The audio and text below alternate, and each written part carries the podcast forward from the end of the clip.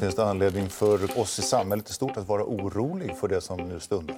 Det här är Kvadrat. Alltså man vill förhandla direkt med säljaren och inte vara med i en budgivning. Med mig, Joakim Båge. Det är ju fel. Högre Nej, men det är ju fel. Men ursäkta, får jag tala till punkt? Ja, men då ska jag göra det sen också. och Petra Bergman. En podd från EFN, Ekonomikanalen.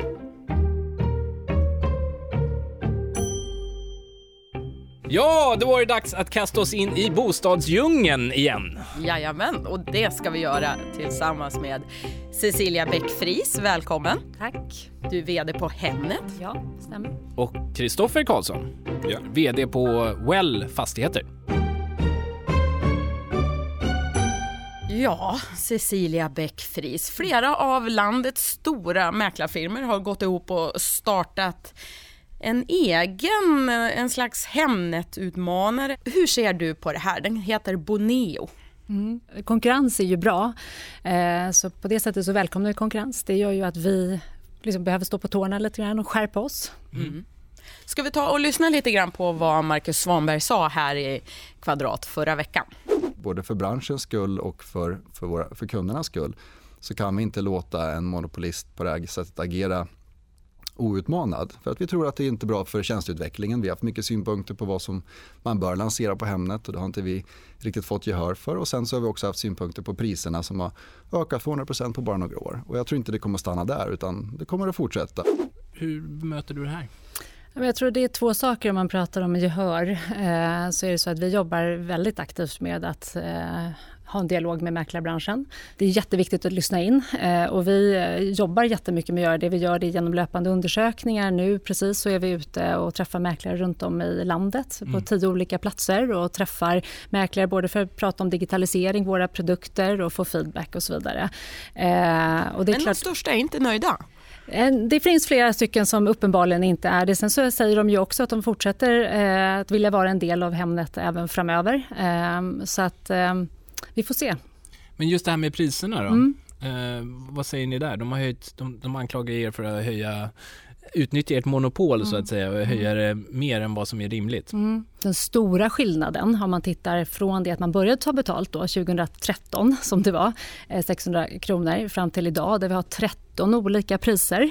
Eh, Det är ju faktiskt för att eh, reflektera utgångspriset. Så att du, har du en, en bostad som kostar 250 000 kronor då betalar du 300 kronor för att annonsera på Hemnet. Har du en bostad som kostar 10 miljoner då kostar det 2 900 kronor.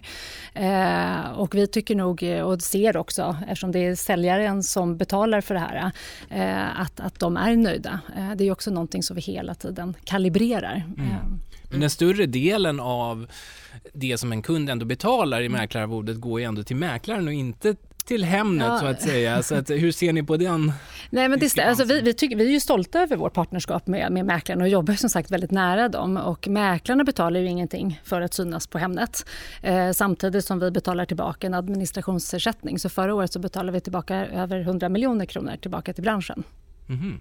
Hur fungerar det då? Alltså det, det är som- en sorts kickback. Nej, men det, alltså, mäklaren gör ju ett jobb att administrera hela annonsen och lägga upp det och så vidare. För det så får man en, en ersättning. Mm. Det som eh, Marcus Svanberg lyfte Mm. fram också var ju att de kommer lägga upp mera förhandsobjekt och Ja, så att säga objekt det. som inte Just kommer det. kunna finnas på. Mm. Hemnet längre. I- Hur ser du på det? Det är, liksom, det, är en, det är en liten knepig eh, fråga på ett sätt, eller ett knepigt kapitel kan man säga. För när man lägger upp på Hemn så är man ju på något sätt på marknaden till viss del. Eh, så så att, eh, vi vet ju idag, vi har en del kommande och det är kanske inte den ultimata eh, delen eh, och någonting som vi såklart behöver titta på framöver. Men det är inte så enkelt som att bara lägga upp alla kommande på Hemnet, eh, för då, är, då når man en större del av marknaden. Så då behöver man tänka till kring hur gör vi det på bästa sätt. Och också om vi lyssnar in branschen, eh, en, en, en feedback som kommer från, från delar av branschen är ju också att mäklarna själva gärna vill ha och kontrollera kommande eh, själva. Eh, så det där är ju så här, det är en balansakt hela tiden. Just det. Eh, Eh, skulle du säga att Hemnet jobbar mest på att tillfredsställa mäklarnas behov eller bostadsköparnas behov? Men vårt fokus är, alltså vi tror ju att är vi liksom relevanta för bostadsköparna så är vi relevanta för alla andra målgrupper. Eh, sen har vi den senaste tiden lagt mycket fokus på att jobba mot mäklarna och det har att göra med att vi också har rullat ut fler produkter. Eh, vi har varit mycket mer aktiva de senaste åren kring vår produktutveckling, både mot användare, mot Pratar mäklare. du raketen och sådana grejer? Raketen kan vara en till exempel, eh, men även produkter mot mäklare och så vidare. Vad, vad är raketen för de som inte vet? Eh, raketen är ett sätt eh, för bostadssäljarna om man vill liksom boosta och lyfta upp sin annons eh, längst upp. det. Ja, precis. Eh, så det kan vara ett exempel. Men, och det är klart att i den rörelse som vi är så har ju vi en, en, en utmaning i att hinna, liksom kunna, eller hinna, att kunna paketera och kommunicera det på ett bra sätt till mäklarbranschen som är en nära partner. Så det är ju till exempel, vi har lagt mycket fokus på det och vi kommer behöva lägga fortsatt mycket fokus på det. Just det. En annan stor nyhet, eh, för i alla fall för bostadsspekulanter, är ju att eh, Blocket, som tidigare varit er största konkurrent, har annonserat att de ska inte ha eh, annonser längre för köpta objekt. Hur, hur ser du på den här utvecklingen? Då? Nej, men jag, jag såg ju också det. Eh, och anledningen bakom det är ju inte för mig att spekulera i. Eh, men jag kan ju notera att även Blocket med sin ägare Schibsted fortsatt kommer jobba med och mot mäklarbransch och med varumärkesannonsering och på andra sätt. Eh, så att man väljer att ta bort mäklade annonser ser jag mer som att de gör en renodling. Eh, Avslutningsvis, vad har du för känsla för bostadsmarknaden här framöver?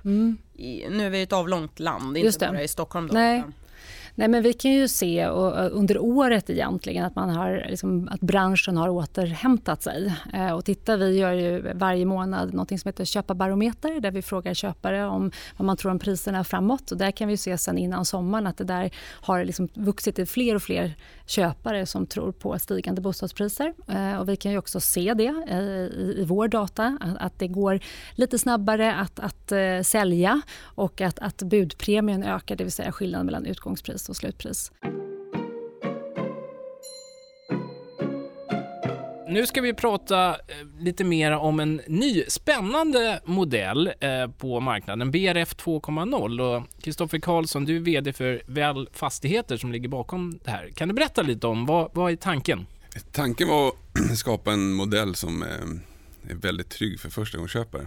Egentligen alla som behöver låna mer än 80% kan man väl säga generellt. Och idén kom hösten 16 när amorteringskravet slog till. När vi märkte att, att vanligt folk inte kunde köpa och komma in på bostadsmarknaden. Större delen av lånet läggs i själva bostadsrättsföreningen kan man säga. Och den som köper en, en bostadsrätt tar lite mindre del av lånet. Ja, om vi tar exemplet, vi har ett projekt som heter Urban Park i Barkarby. Där, där tar vi nu 275 000 eh, för 26 kvadrat. En mini tvåa med sovalkov kan man säga. Mm. Och där avgiften är 5 500. Och så kräver vi tre gånger avgiften i hushållsbrutto eftersom föreningen blir banken. Eh, så då, då har man 16 500 i bruttolön man behöver för att kunna köpa den här exklusiva lilla lägenheten. Och då kan man faktiskt jobba på McDonalds och ha råd att köpa den och även ha råd att bo där på sikt och det finns ingen risk i de första 20 åren att eh, man får någon överraskning eller vad som händer i, i omvärlden. Men har man bundit sig då för att bo där i 20-30 år? Nej, det, det är en vanlig bostadsrätt så att det, du kan lägga ut den på Hemnet när du vill. Hur har intresset varit för det här då? Det har varit väldigt stort. Vi, vi har strax tusen sålda bokningsavtal, eh, vilket är helt otroligt på en plats som Barkarbystaden. Och det är för en fastighet då, eller ett projekt som ni Ja, har sålt i? Vi har ett projekt där vi har en volym på ungefär 1100 lägenheter och sen har vi mer mark runt omkring som vi tittar på. Eh, där vi, så det kan, bli, det kan bli ett väldigt stort projekt. Och när beräknas första inflyttning då? Om två till tre år eh, beräknar vi att de första, vi säger tre år till våra konsumenter. Det är ett ovanligt sätt att sälja på att ta emot bokningar så tidigt. Eh, men det var för att vi släppte en ny modell och vi ville testa av och se eh, hur stort intresset är. Men Kristoffer Karlsson då, VD för OL Fastigheter. Om det här nu har gått så, så pass bra som det har gjort i ert första projekt så antar jag att ni tänker rulla ut det här i flera, på flera ställen? Ja, vi, vi tittar ju på liknande förutsättningar som Järfälla egentligen. Hur kan vi få samma succé eh, med samma förutsättningar runt Stockholm? Och vi tittar även på riket där vi har eh, städer som haft en befolkningsökning på plus 5 de sista tio åren. Eh, tycker vi är lämpliga för modellen. Där är det långa bostadsköer och det finns en stor andrahandsmarknad eh, eh, för uthyrning. Det är väl främst andrahandsmarknaden vi slår emot om vi analyserar våra kunder. Det är folk som inte, de kommer inte in på marknaden, de hyr en dyr andrahandslägenhet och bankerna säger att de ska spara mera pengar. Ehm, om man tittar på våra konsumenter så är de i snitt 30 år gamla och har 28 000 i lön. Och hälften av dem har faktiskt sparat hela insatsen när vi frågar dem. Så det, det, är en ganska sorglig syn. Alltså man tycker väldigt synd om de här konsumenterna som får kämpa så hårt och inte komma in på bostadsmarknaden. Mm. För du nämnde någonting intressant tidigare också om att de här konsumenterna som, som är då köper in sig eller är intresserade av BRF 2.0 är nästan ek mer ekonomiskt starka än vanliga bostadsrättsköpare som ni har, för ni säljer även vanliga bostadsrätter. Ja, vår analys av ja, men den målgruppen som de är runt 30 år, det är att de, de, faktiskt, de som köper här är bättre. Och det är för att de, de är mindre riskbenägna, de har sparat mer pengar själv Eh, de får inte hjälp hemifrån. Eh, nästan 70% har inga, inga lån och inte ens kreditkort inräknade. Kör vi den körningen på våra vanliga bostadsrättsköpare så, så kanske det står 2 där. Eh, men det, ja, generellt, de har, de har ingen hjälp hemifrån och kämpar väldigt hårt för att ta sig framåt. Och vilka är det som får lägenheterna då? Är det först till kvarn eller den som har mest pengar? Eller vad? Ja, är det budgivning på dem eller hur fungerar det? Nej, men nu bokar man en plats i en kö eh, att få välja först när huset är färdigritat. Cecilia Bäckfries på Hemnet, vad, mm. vad, tycker du om den här modellen då? Det finns ju många som problematiserar alla sakerna som pågår mm. på, på bostadsrättsmarknaden. Här mm. har Kristoffer ändå presenterat en lösning. Mm. Och jag, jag tillhör väl de som inte problematiserar utan tycker att det är väldigt positivt att det, att det finns aktörer som, som ni och andra aktörer som faktiskt nu börjar komma fram med olika typer av lösningar. Eh, så Mer annonser till Hemnet. Ja, så, men jag tror också så här, det gjorde vi senast i somras när vi i Almedalen när vi gjorde en, en rapport kring just den, den, både unga men även tänker jag äldre som har svårt kanske att lämna en trasig relation och så vidare. Att, att det, det är svårt eh, genom egentligen hela flyttkedjan. Eh, och där tror jag, och det är många aktörer som säger det, eh, det är inte bara vi som gör det. Och där tror jag att, att alla former av liksom konkreta idéer och lösningar är väl jättebra utan att kunna exakt eh, alla detaljer i er modell så, där så tycker jag det är väl väldigt positivt. Mm. Ja, Peter och jag var ju själv i Almedalen mm. och själva i Almedalen. Vi noterade väl att det var väl kanske inte någon innovationsfestival där på fastighetssidan annars. Det var Riksbyggen Hyrköp och det var Wallenstam Co-living, men det var väl mm. ungefär det. Det krävs ju att några börjar, tänker jag. Eh, och det börjar sprida sig och så är det kanske fler som tar vidare och så finns det goda exempel och så skapar det lite mod och innovation, fortsatt innovationskraft. Mm. Eh, hela branschen är ju fortfarande i någon form av ganska tidigt skede i digitalisering och så vidare och där tror jag att vi de närmaste åren kommer få se ganska många spännande idéer och lösningar som förenklar för hela mm. liksom, processen och så. Min hobbyanalys av hela marknaden är väl att det, det byggs för lite hyresrätter det har börjat, de nyproducerade hyresrätterna finns idag, det är i stort sett marknadshyra i alla fall i storstäderna. Och det, det är för dyrt det också. Och eh, bostadsrätten finns för en exklusiv skara som har gott ställt och höga löner. Och det krävs en modell där i mitten. Ni har också skapat något som heter Wellness Living. Kan du berätta lite vad det konceptet går ut på? Wellness living, det är väl, det ut, vi utgår från att man ska må bra i sin bostad, enkelt sagt. Eh, det är väl en, en kombination av vackra material och mycket rymd. Vi har alltid haft hög takhöjd i våra bostäder, stora fönster och vackra material. Och försökt att bygga hållbart på ett sätt som är att vi lägger in marmor och vackra trädgårdar man kan slipa i hundra år. Vi vill inte att man ska renovera badrum som en, som en modefluga. Men det är er analys av vad folk vill ha ändå, att det ska gå lite åt det lyxigare hållet, eller? Ja, det, vi lever ju efter ett Instagramflöde, de flesta av oss. Det, folk gillar lyx. Ser du också att det här går mot mer lyxigt eh, Instagram, Bianca Ingrosso inspirerat på Hemnet? Eh, nej men generellt sett så, så är ju om man tittar på på Hemnet och man tittar på bilder och fotografier på, på de objekt som är till salu så är det en väldigt hög så här, kvalitet och det, ser ju, det, det är ju väldigt fina bilder. Um, och det tycker jag det är ganska roligt. Uh, man tittar på Hemnet till skillnad från andra bostadsportaler runt om i världen. Om man går och åker ner till liksom Frankrike eller Spanien och så vidare. Det är en, ganska, det är en väldigt, väldigt stor skillnad eh, mellan Hemnet och de bostadsportaler som finns i södra landet. Och det, och det ser vi ju liksom att det är ju också det som driver ett stort intresse eh, av att vara på Hemnet. Att faktiskt titta och inspireras. Mm. Um.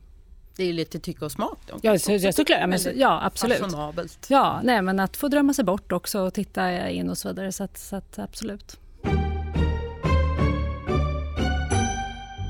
Petra, du hade en spaning den här veckan. Ja, och det handlar ju faktiskt också om eh, bostadssurfandet som vi var inne på.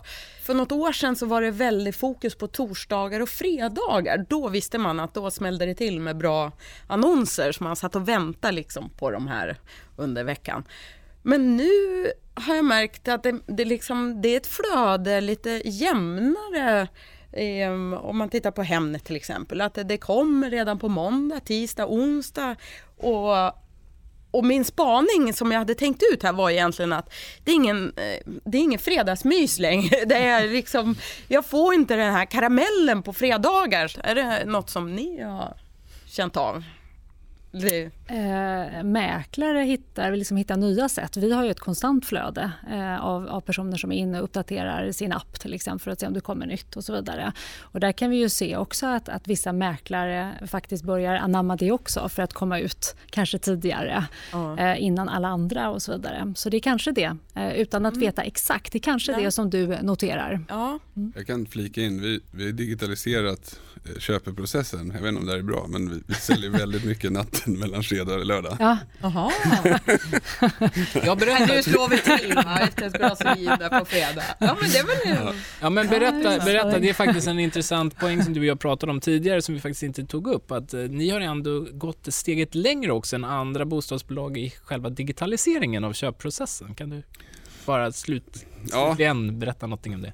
Nej men vi, vi tittade på hur man skulle digitalisera processen fullt ut. Så nu, det tar ungefär 40 sekunder att köpa en lägenhet av oss.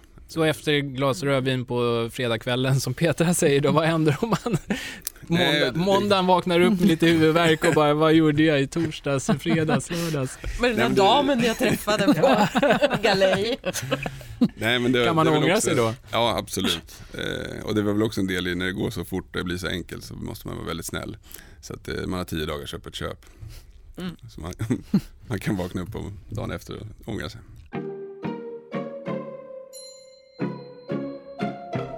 Bra slut på mm. dagens eh, program tycker jag. Ja, verkligen. Och vi säger tack då till Kristoffer Karlsson, VD på Väl Fastigheter och tack så mycket till Cecilia Bäckfries, VD på Hemmet. Tack ska du ha. Tack. Och vi är tillbaka om eh, två veckor igen, för nytt för hösten är ju att vi kör varannan vecka och det kommer bli ett spännande program, det kan jag lova.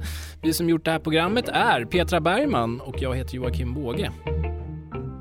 Den här podden görs av EFN Ekonomikanalen. Ansvarig utgivare är Anna Fagerström. Vill du lyssna på någon av våra andra poddar? Sök på EFN där poddar finns.